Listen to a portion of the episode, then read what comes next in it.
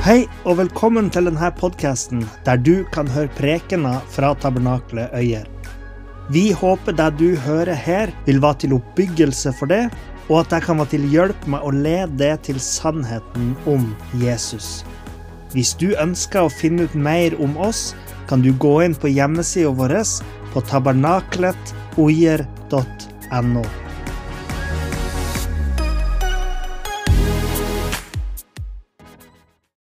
Ja, god kveld, alle sammen. Jeg mm, står ikke så ofte her, og i dag har jeg fått et tema som jeg skal fortsette på det som eh, Niklas har tatt over allerede fire ganger før. Er femte gangen i dag som vi skal gå på første Samuels bok. Det er jo en spennende tekst. og jeg har det jo Altså, det, det Gamle testamentet og Det nye testamentet det representerer to forskjellige ting. Nå har vi allerede hørt i dag om eh, at vi har ikke en kamp mot eh, kjøtt og blod, men mot ondskapens ånde her i himmelrommet. Den ånde her var virksom òg i Det gamle testamentet. Så det var den samme kamp de kjempa. Men uh, seierherren var enda ikke fremstått på samme måte som vi kjenner den i Det nye testamentet, nemlig Jesus. Så vi har uh, forskjellig utgangspunkt, men det er den samme Herre. Det er én Gud, og han er fra evighet og til evighet. Så det er, det er ingen uh, opphør på Guds eksistens. Han er og han blir for all evighet. Han var, og han er, og han blir. Så vi skal ikke, vi skal ikke tenke at vi har med to guder å gjøre, men vi har med Gud åpenbart gjennom lovens bokstav, og så har vi Gud åpenbart gjennom Jesus ved nådens og frelsens evangelium.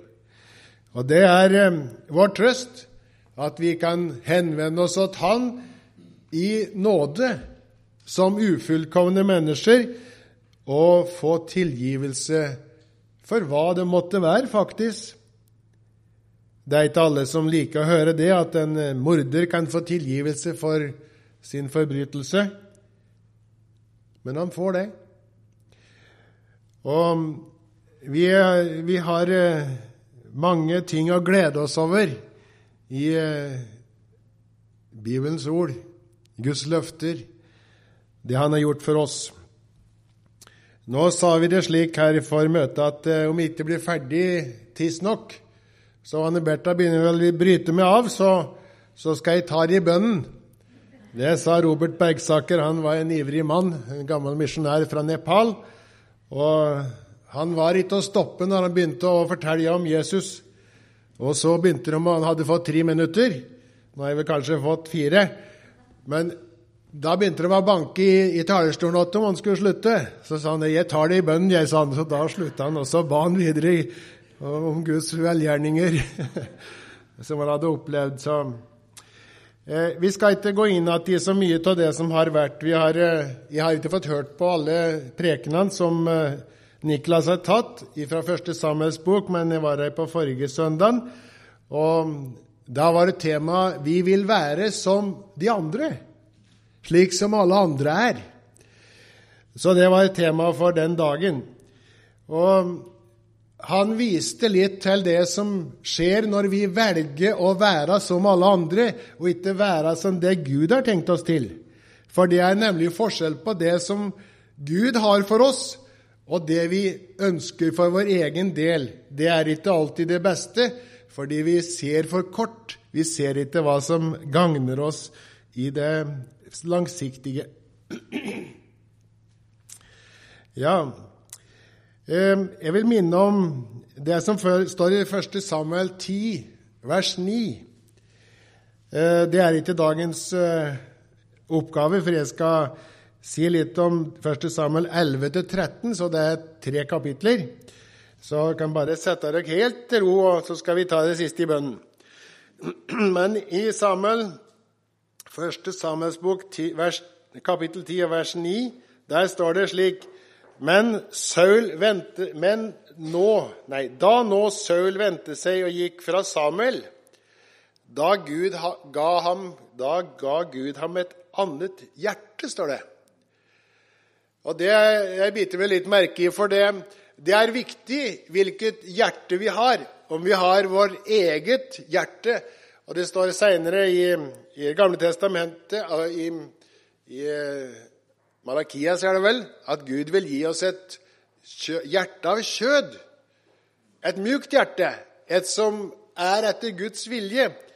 Mens vi, når vi lever etter vårt eget eh, ve og vel, så har vi et steinhjerte, et hardt hjerte, som ser kun meg sjøl. Vi blir egoistiske. Men når Saul hadde blitt salva til konge over Israel, da kom Guds ånd over han, står det. Og Saul gikk bort ifra Samuel, og han fikk et nytt hjerte. Det var ingen ny pumpe inni her, det var det nok ikke. Men det var et nytt sinnelag. Det var en annen tanke om hva som gagner meg og mitt folk. Det var det som ble lagt på han. Og Vi skal legge, legge litt merke på det som Saul sier om seg sjøl. Han var nemlig en mann etter Guds hjerte. Og hvordan kan vi være en mann etter Guds hjerte? Jo, det er ved å regne med Gud. Og opphøye Gud i takk og lovprisning for det han er langt over vår egen forstand. Det står at uh, vi er som støv. Det er ikke veldig høytravende innenfor Gud. Men uh, Gud han er så uendelig mye større enn vi er. Um, da står det om, om Saul i 1. Samuel 9, 21. Er jeg ikke Saul svarte og sa, er ikke jeg en benjaminitt? Benjamin var den minste av Israels stammer. Av de tolv som var ettlingene til det nye riket i Israel. Jakobs, eh, Isaks sønner og Jakobs sønner. Jakob han fikk tolv gutter. Han fikk vel noen jenter òg, sikkert. Jeg tror hun gjorde det. Men i hvert fall er det de tolv guttene som er regna opp. Men Benjamin var den minste stammen. Og den lille stammen var ikke veldig høyt aktet. Og Derfor så sier han det er ikke jeg av Benjamins stamme. Hører ikke jeg til blant de minste av stammene i Israel? Og ikke nok med det. Og er ikke min ett den ringeste av alle etter i Benjamins stamme. Der ser vi litt av det som Saul tenker om seg sjøl. Han tenker ikke at jeg er nå høvdingen over alle Israels stammer. Men han er den minste av alle. Og den, stammen, den familiegreina av Benjamins stamme som har liten innflytelse over det som skjedde i Israel.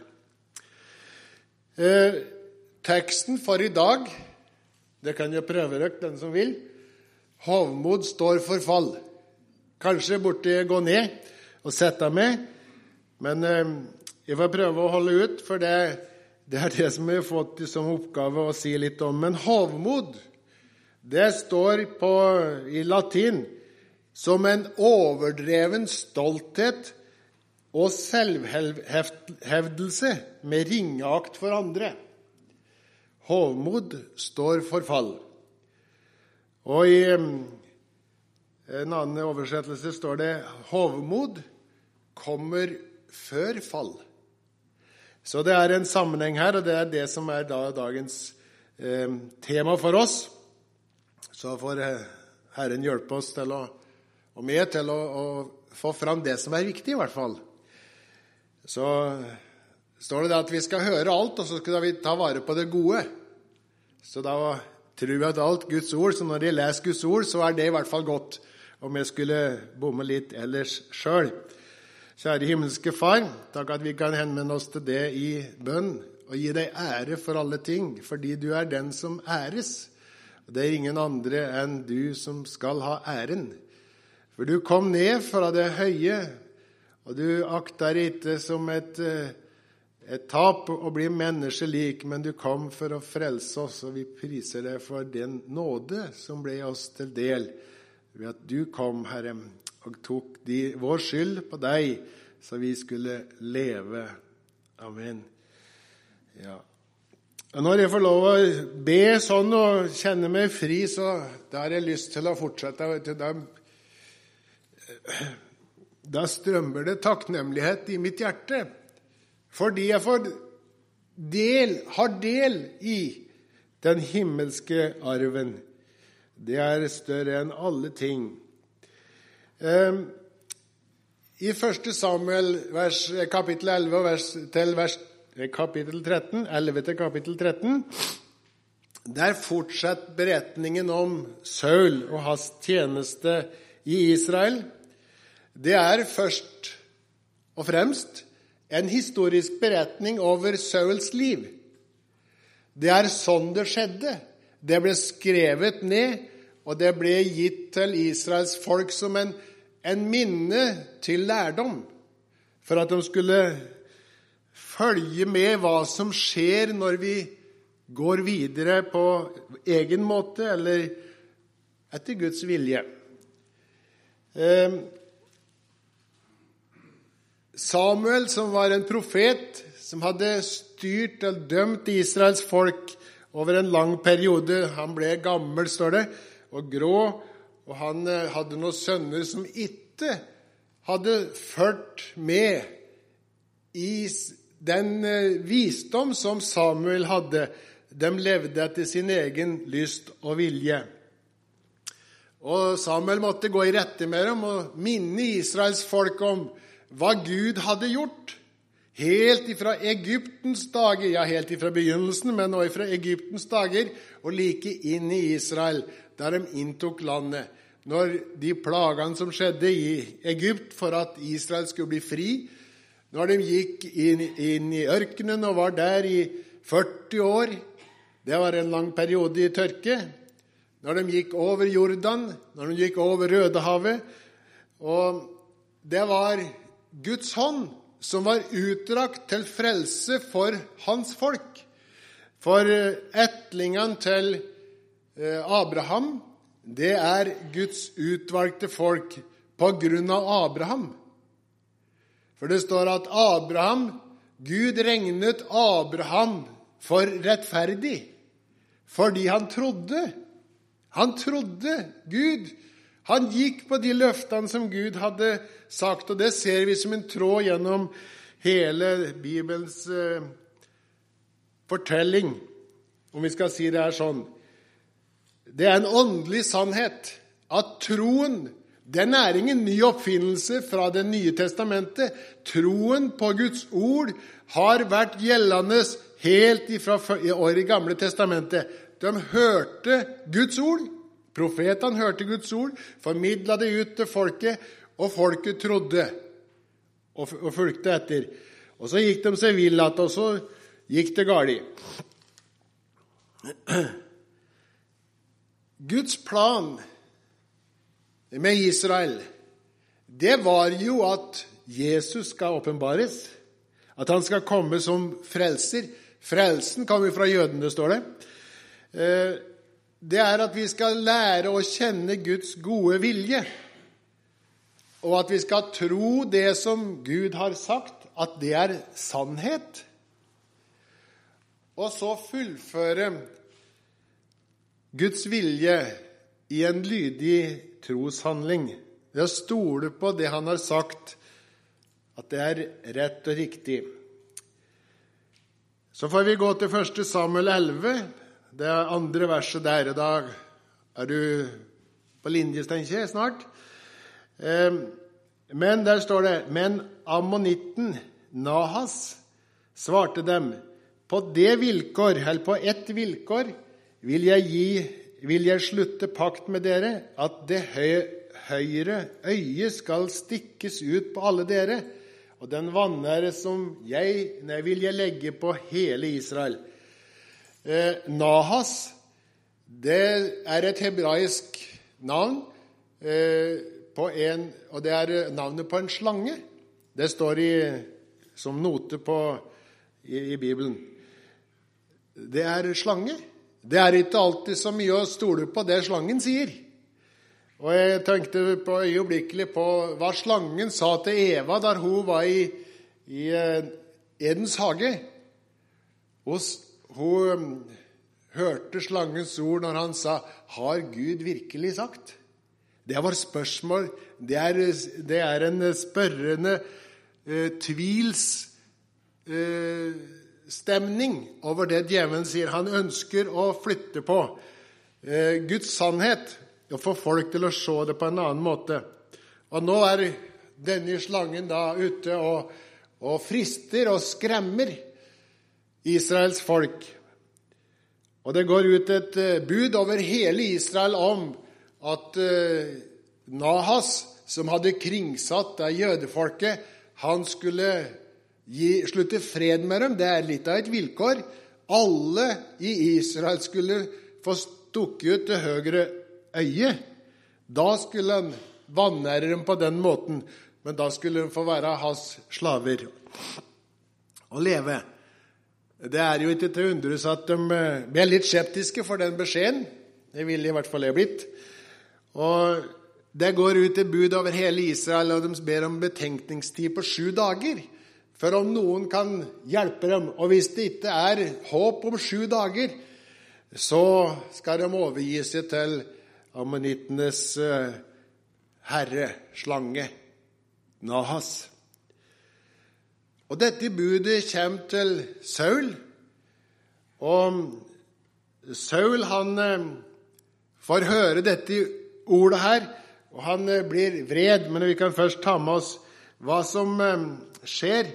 Eh, skal vi se Ja, trusselen fører til, fører til frykt over fiendens makt.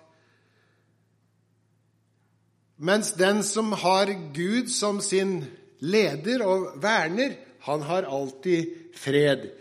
Når, eh, hvor ofte vil jeg samle dere, sier Jesus, som en, ei høne samler sine kyllinger under sine vinger.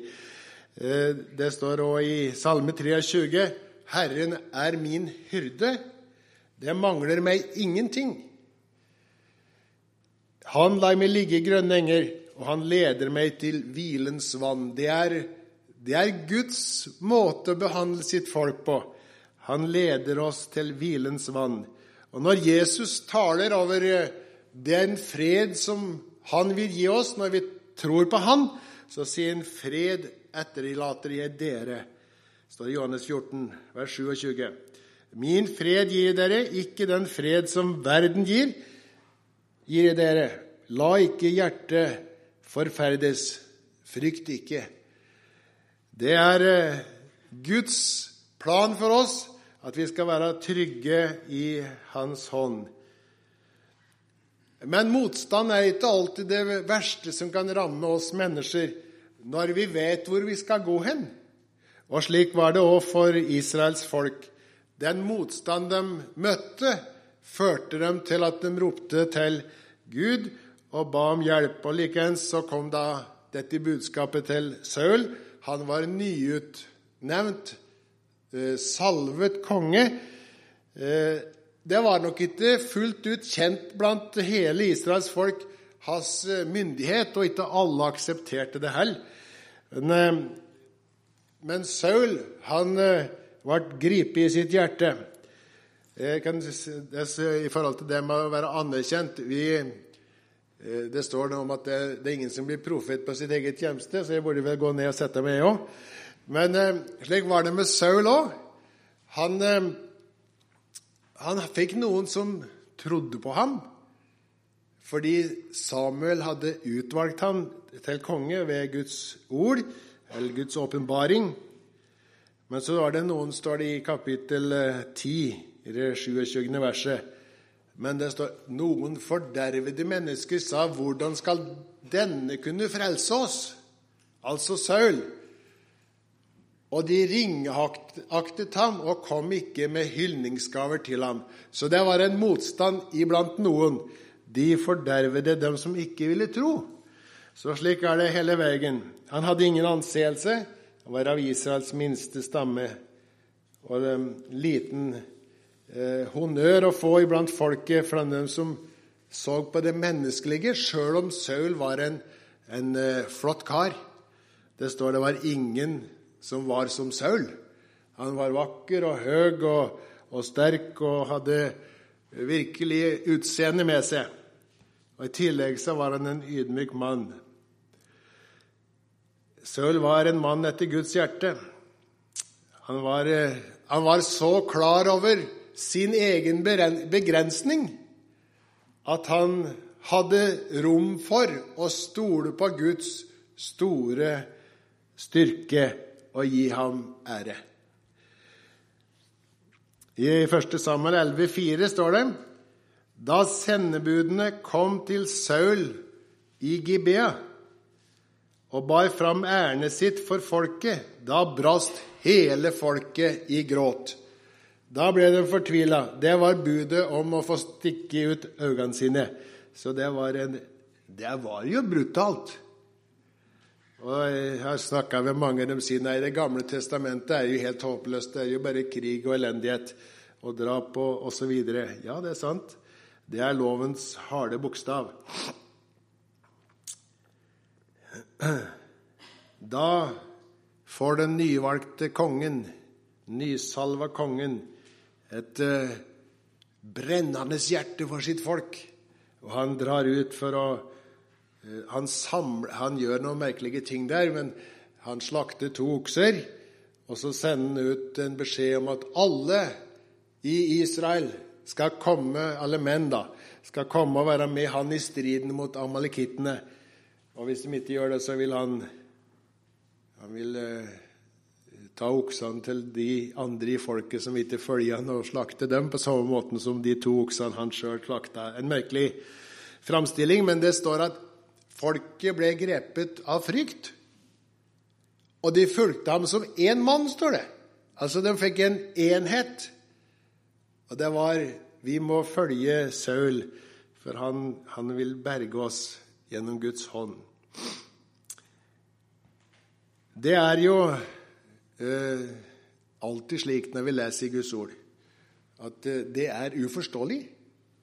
Eh, det er under. Alltid er vi Det er noe som heter underdog på norsk, nynorsk. Eh, altså å være undermåls. Ikke det er mange som ikke regner med dem som er undermåls, dem som er veikere enn sin motstander. da. Det kan gjelde i fotball eller hvor som helst. Eh, og så plutselig kan disse herre, som det er undervurdert, reise seg opp og så vinne dem seier over sin motstander. Og slik var det òg for eh, amorittene. De var en kjempehær. Mens Israel var ikke så på langt nær så motstandsdyktige, da. Men fordi Gud var med, så vant de seier. Og eh, Gud han gjør dette på underfullt vis alltid. Han bruker det som ingenting er. Han, han utvelger seg et uh, redskap som ikke skal ta æren vekk fra han. I første Korinterbrev så står det i første kapittelet, 25. verset.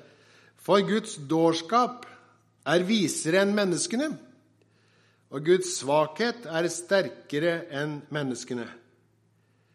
Det står det, brødre, legg merke til hvilket kall dere fikk. Ikke mange vise etter kjødet ble kalt, ikke mange mektige, ikke mange av høy ett, men det som er dåraktig i verden, det utvalgte Gud seg for å gjøre det vise til skamme. Og det som er svakt i verden, det utvalgte Gud seg for å gjøre det sterke til skamme. Det som er lavt i verden, og som ingenting er, eh, det som er foraktet, det utvalgte Gud seg, det som ingenting er, for å gjøre det til intet som er noe. For at intet kjød skal rose seg for Gud. Det er det samme vi ser, samme eh, tråden i det, både Det gamle og Det nye testamentet. Gud utvelger etter sin visdom det mennesket eller de folk som kan eh, gi ham ære. Så la han få virke. Eh, Tove Dahl var det vel som har sagt at eh, Åssen er det å si det? Eh, Anton, du er god til å repetere det. Uh, overvettes, ja. Det er over vettet, det som Gud gjør. Alltid. For var det slik at vi kunne skjønne og begripe hvordan det var, da, var det, da er det ikke rom for Gud. Men når Gud gjør det, så er det over vettet vårt. Det er en god sammenligning. Så slik var det òg med Saul og hans folk i Israel. I Samuel, 1. Samuel 11,6 står det Da kom Guds ånd over Saul, og han ble opptent av brennende vrede. Er det så gudfryktig, da? Ja, det var vel en hellig vrede over at hans folk ville bli ydmyka og ødelagt. Og så gikk de da til en eh, angrep og overvant amorittene. Og da står det det at de vant en stor seier. Og etterpå, når de hadde vunnet seier, da går de tilbake til eh, offerstedet, til salveplassen, og der blir Saul innsatt som konge hele, blant hele folket. Det er eh, Han var nok salva før. Det blir vel som når vi opplever at Gud kaller oss til tjeneste, og så blir vi innsatt i tjenesten. Så det var det som skjedde med Saul. Han ble innsatt i tjenesten som konge. Det var et nytt trøkk over Saul. Eh, jeg, jeg tier med det åssen Saul eh, oppførte seg før han ble eh, salva til konge, eller når han skulle salves til konge.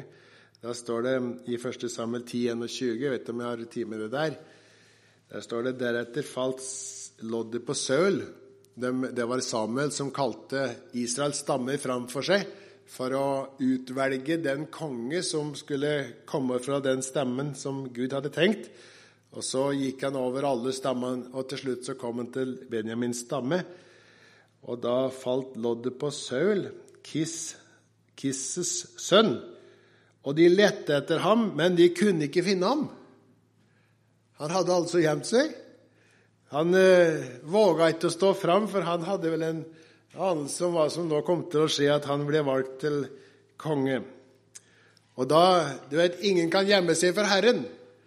Så ikke sant, eh, Fridtjof? Om du ikke trodde på han før, så måtte du en dag erkjenne at Gud fant deg og gjorde et verk i ditt liv og i våre alles liv. Det er ingen forskjell på det.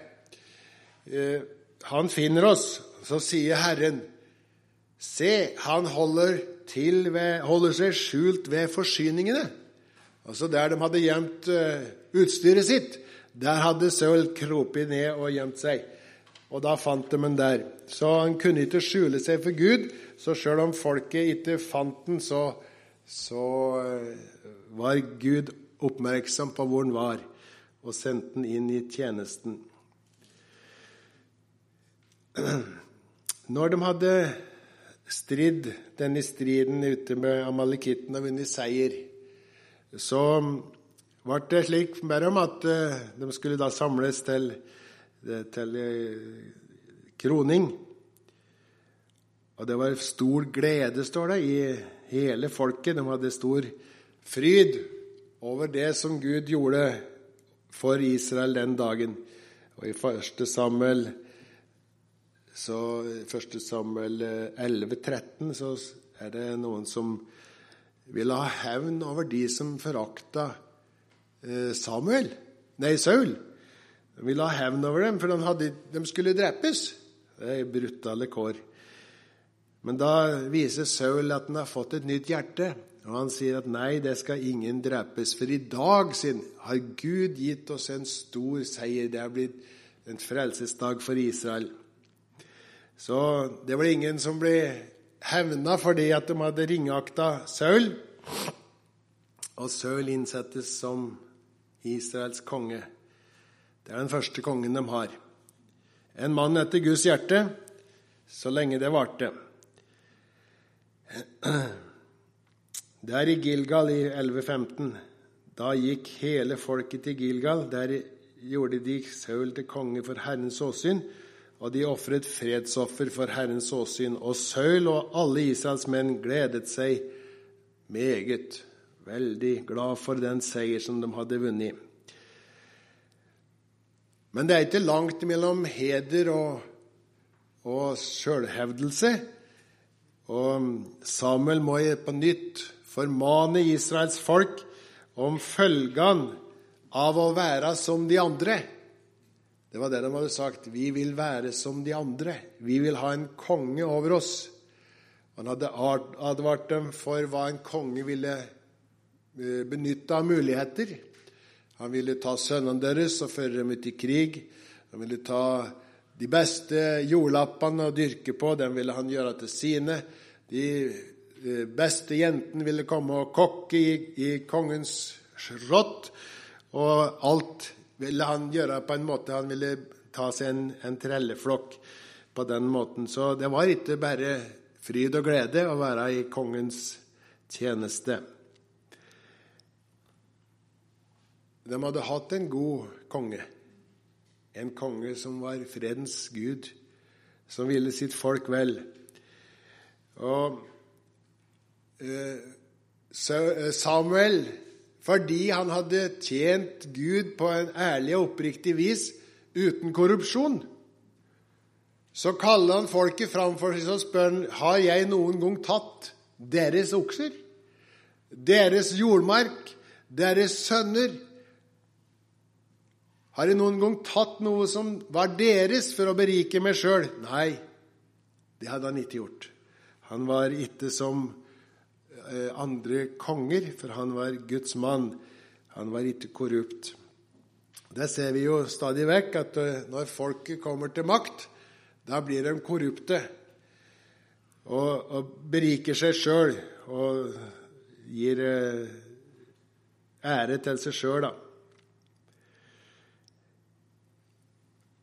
Og Samuel han sier at det, da, sin, når dere vitner eh, for meg om at jeg ikke har vært uærlig i min tjeneste innenfor Gud, så vil jeg be Herren vise. Det er ikke høsttid, siden det er høstens tid da dere skal samle inn grøden. Og så vil han, sier han vil be om torden og regn, så de får se hvem det er som er herre, hvem som styrer eh, naturens krefter. Og Så ber han den dagen om torden og regn. Og det står det ble en kraftig tordenvær og kraftig regn, og folket ble redde for, og fikk frykt for Gud og frykt for Samuel, fordi de skjønte det er Guds mann. Det er Guds eh, kongedømme vi har forakta. Ja Alt av Guds gjerninger overgår vår fatteevne. Det kan være hardt å akseptere for oss. Vi vil så gjerne prøve å hevde oss sjøl og, og, og ta vår egen ros. Men Gud ønsker å frelse på sin egen måte, ved sin egen hånd. I Ordspråkene kapittel 3 vers 5 så står det Sett din lit Herren, til Herren av hele ditt hjerte, og stol ikke på egen forstand.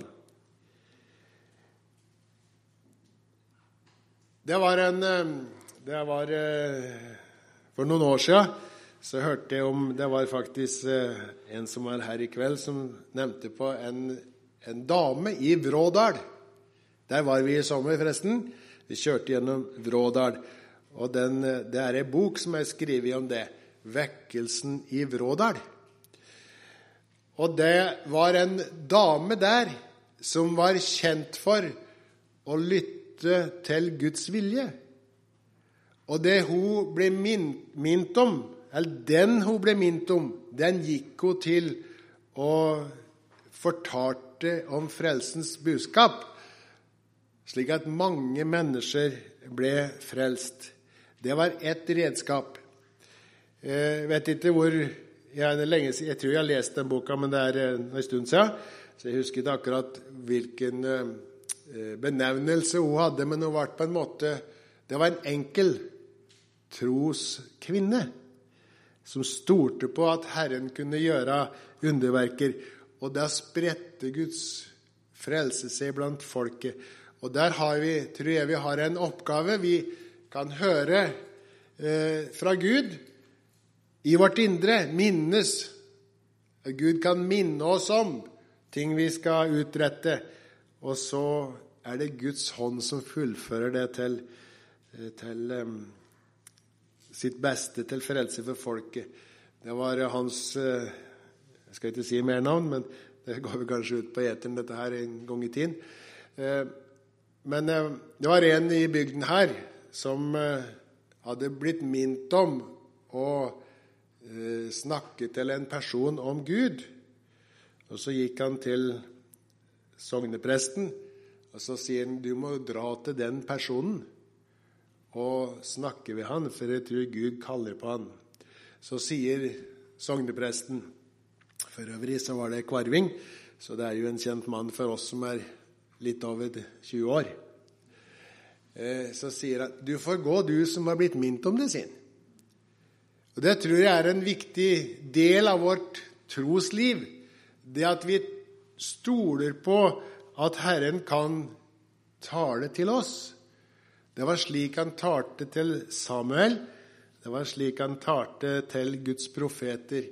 Og Jeg tror ikke at det er noe forskjell på oss når vi har tatt imot Jesus som frelser.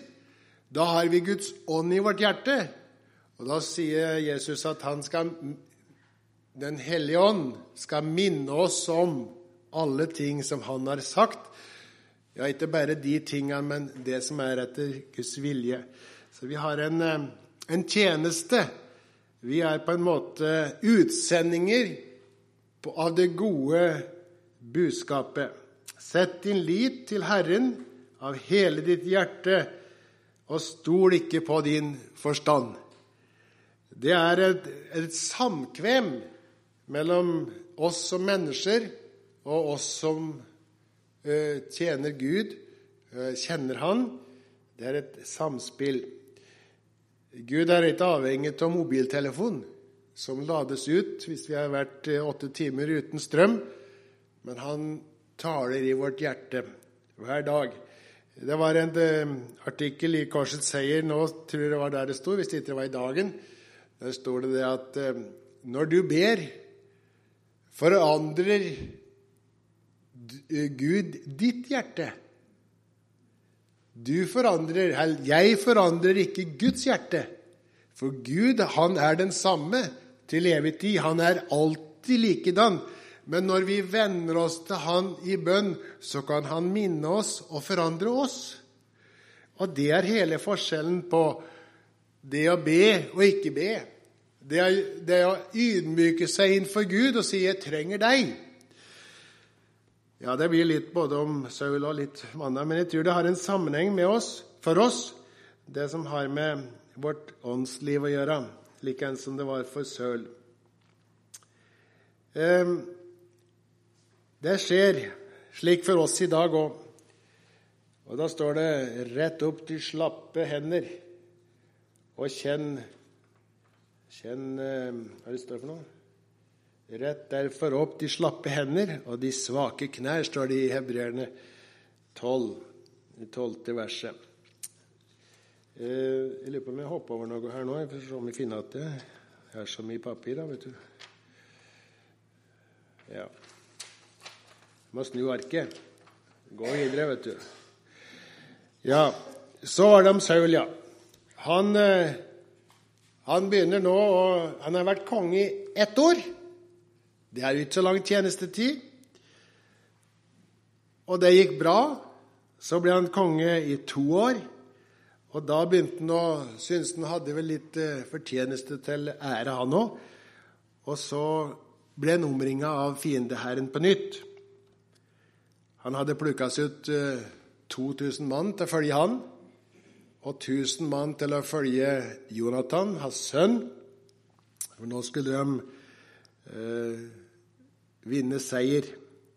Og Det var òg en anselig hær. Det var egentlig rart det var så forferdelig mye krigere på den tida. Det var merkelig at Israels folk skulle oppleve slik motstand. Men eh, som Vigge leser innledningsvis vi har ikke kamp imot kjøtt og blod, men, men, men mot ondskapens ånde her i himmelrommet. Den har gjort seg gjeldende. Eh, vi ser at Israel blir angrepet i dag fra alle kanter. Og alle, alle, nasjoner vender seg mot Israel og anklager dem for deres uh, okkupasjon. Men de har fått et land av Herren, og det kommer ingen til å kunne ta ifra dem. Men uh, her står det at uh, Saul mønstra 2000 mann for seg og 1000 mann for Jonathan. Og så gikk de til strid. Og så så de hva som skjedde. Så hadde de fått et budskap fra Samuel, fra profeten, at de skulle vente til han kom i, til Gilead og ofra brennoffer for eh, fred og velsignelse over folket. Men når Saul så at eh, sine soldater begynte å forlate han, da ble han redd.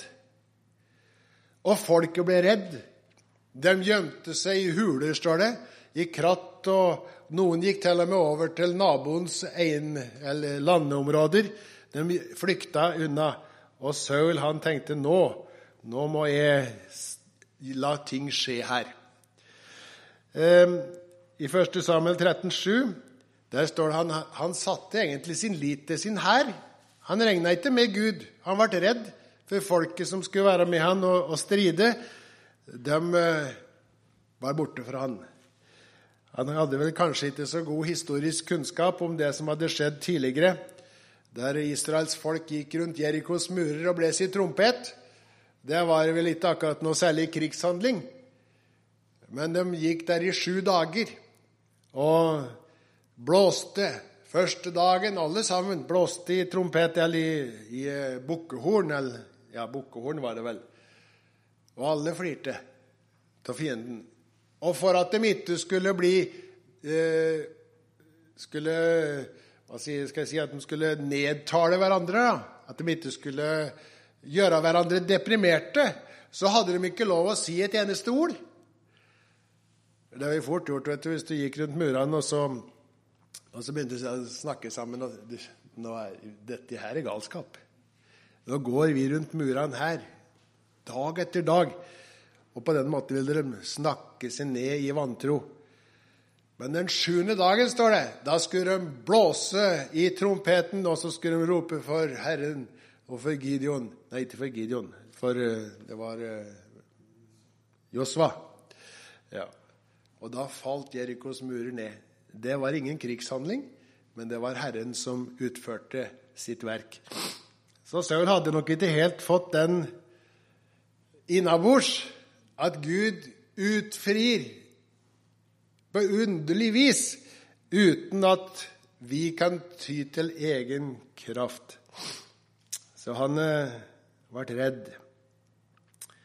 Og da beslutta han der å brenne brennoffer, ofre brennoffer, og be om hjelp fra Herren. Det var ikke hans oppgave. Han tok seg til en tjeneste som han ikke hadde, og det var imot Guds vilje.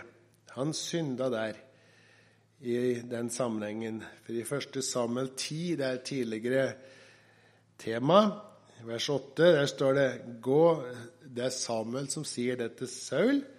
Gå ned foran meg, helt til Gilgal, så skal jeg komme dit og for å ofre brennoffer og fredsoffer. Og så skal du vente i sju dager inntil jeg kommer til deg. Og så sier han, da skal jeg fortelle deg hva du skal gjøre. De var i en ydmyk situasjon. Ikke hadde de hakker, ikke hadde de spar, ikke hadde de økser, ikke hadde de spyd, ikke hadde de sverd. Det var Israels situasjon. For filistrene hadde sagt at hvis Israel får gjøre det, da kan de smi seg eh, våpen.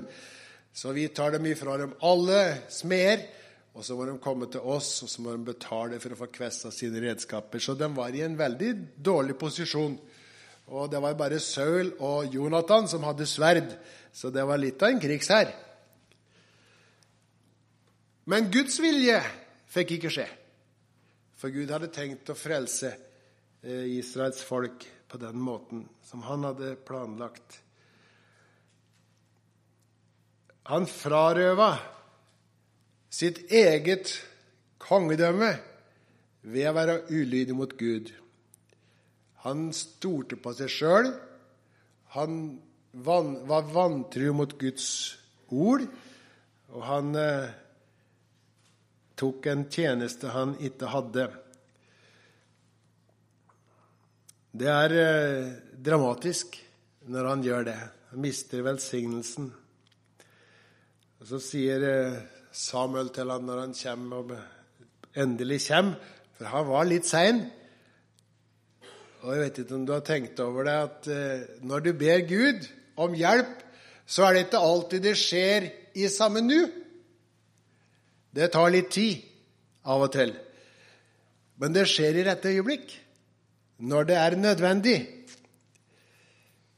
Jeg har ikke spurt, så jeg skal ikke si noe om det, men jeg nevner det var, det var noen som hadde for lite fôr, som jeg har hørt. Forteller jeg om det da minte Gud om at en annen bonde skulle ta og sette til sides fôr for en spesiell oppgave når tida var inne. Og så gikk det utover vinteren, og så ble det lite fôr til den som trengte det. Da kom hele billasset med fôr. Det var ikke den dagen høsten var tatt inn, men i tro på den beskjeden som eh, denne bonden hadde fått i sitt hjerte, så venta han. Han satte til sides et lager med fôr for at det skulle bli brakt til velsignelse når nøden var der, når det behovet var der. Når vi dro ut til Kenya som misjonærer, så mangla vi underhold. Eh, vi hadde fått det meste på plass, men eh, ikke riktig alt. Så snakker vi sammen, og så sier vi at Gud vil nok gi det siste òg. Så når eh, det var like før vi dro, eller om det var rett etter vi hadde dratt, da får vi beskjed om at de siste tusenene har kommet inn en eh, fra en støttemenighet. Det ordna seg. Vi måtte bare gå i tro på det Gud ville gjøre for oss. Og slik er Gud. Han kommer i det øyeblikk vi trenger det. Og Det ville han gjort for Saul òg, men han tok skjea i egen hånd, og så mista han velsignelsen. Han mista kongedømmet. Og så sier Gud gjennom Samuel at nå har jeg valgt en mann etter mitt hjerte. Han skal tjene mitt folk som fyrste. Ehm, du har i dag handlet som en dåre, står det i vers 13 i det 13. kapittelet. Handla som en dåre, altså synda for Gud. Du har ikke holdt det bud som Herren din Gud ga deg. Da, vil Herren nå, da ville Herren nå ha stadfestet ditt kongedømme over Israel for alle tider fordi han stolte på seg sjøl og var redd, ikke stolte på Herren, så var han ikke lenger et godt redskap i Guds hånd. Ingen avgud av stein eller tre eller penger eller konge kan stå over Gud. Vi har jo en sang vi synger i sanglaget av og til. Ingen mennesker på jord kan eh, Åssen skal vi synge det? Kan ta ære for seg selv. Det er Gud som all ære skal ha. Det gjelder i dag. Og I Salme 111 vers 10 står det å frykte Herren er begynnelsen til visdom. God forstand har alle de som gjør etter hans bud, og hans pris varer til evig tid. Vi ser det er angrep på Guds ord og Guds ords gyldighet i dag på en eh, kraftigere måte enn vi har sett før. Og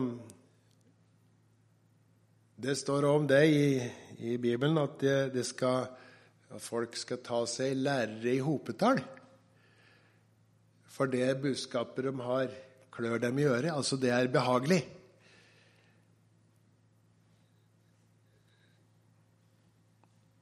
Det er ikke vår oppgave å ta oss lærere. Og Det er ikke vår oppgave å forandre på Guds ord, men Guds ord det står fast. Det må vi bøye oss for i ydmykhet. Eh, det står i 2. Timoteus, det her, 4. kapittel, 3. verset. En tid da ikke skal tåle den sunne lære, men ta seg men etter sine egne lyster skal de ta sin lærere i mengdevis, ettersom det klør dem i øret. Det alvorligste eh, utfall av hovmod for oss er fornektelse av Gud. Fornektelse av Guds frelse og rettferdiggjørelse av vårt eget liv innenfor Gud som bra nok. Jeg trenger ingen frelser. Jeg er ingen synder. Jeg gjør rett for og sjel for meg. Jeg betaler min skatt, og jeg lyver ikke, og jeg stjeler ikke. Så tenker de ikke over at eh, det er ingen rettferdig for Gud. Vi har alle syndet og fattes Guds ære, eller mangler Guds ære. Og så står det Vi kan ikke frelse oss sjøl, står det. Det står ikke akkurat det, men det står i hvert fall det i mening. Vi kan ikke frelse oss sjøl. Buddhistene gjør det. Eh, muslimene har en, en, eh, regel om at de må be så og så mange ganger om dagen. Og de bør komme en tur til Mekka og tilbe der. Enda så har de vel ingen garanti for frelse. Men i vår bibel står det i Apostlenes gjerninger 4.12.: Det er ikke frelse i noen annen. For det finnes ikke noe annet navn under himmelen gitt blant mennesker som vi kan bli frelst ved. Det er Jesus. Ingen mennesker på jord kan ta ære for seg selv. Det er Gud som all ære skal ha. Da har vi vært litt innom Samuel. Eh, Niklas ville sikkert gjort det her på en mye bedre måte. Men jeg, når jeg tenkte på teksten i dag, så kom det for meg ene lovsangen etter de andre. Der som delaktig i frelsen kunne prise Han for hva Han hadde gjort for meg. Og Det er der vi kan rekke våre hender opp til Han, og så kan vi få juble at vi er under Guds kongedømme ved troen på Jesus Kristus. Der står det vi er hans brud. Vi er løskjøpt, vi er frikjøpt fra ondskapens ånde her.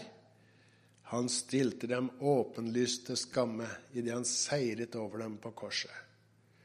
Så har vi en salig arv i vente.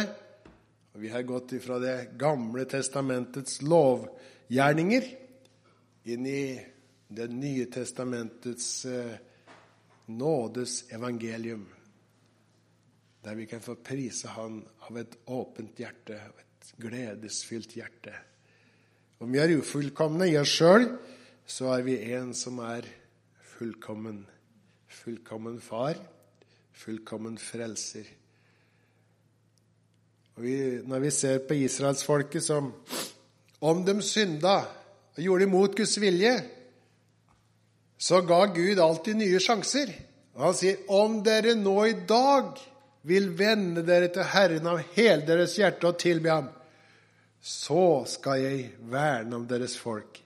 Og slik er det i dag òg. Om vi er Om vi, som det står Dersom vi bekjenner våre synder, står det.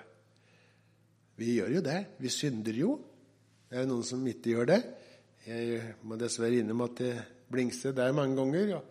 Da står det der han trofast og rettferdig, så han tilgir oss syndene. Det er godt å ha. Så kjære himmelske Far, takk at du er den trofaste Gud du har lovt, deg, lovt oss å være. Det er ingen forandring eller skiftende skygge hos deg. Vi priser og ærer deg for alt, Herre, som du har gjort. Hjelp oss å stole på deg og følge din vilje gjennom alt som oss møter, Herre. Gi oss visdom til å regne med det og gå dine veier. Det ber vi om i Jesu navn. Amen. Halleluja. Takk for at du hørte på. Hvis du tok et steg i tro i dag, eller du har noe du ønsker forbønn for, så vil vi gjerne høre ifra det via e-postadressen kontakt alfakrølltabernaklet.oier.no. Du er òg velkommen til våre ukentlige gudstjenester i menighetslokalet i Haugskutua 5 26 36 Øyer.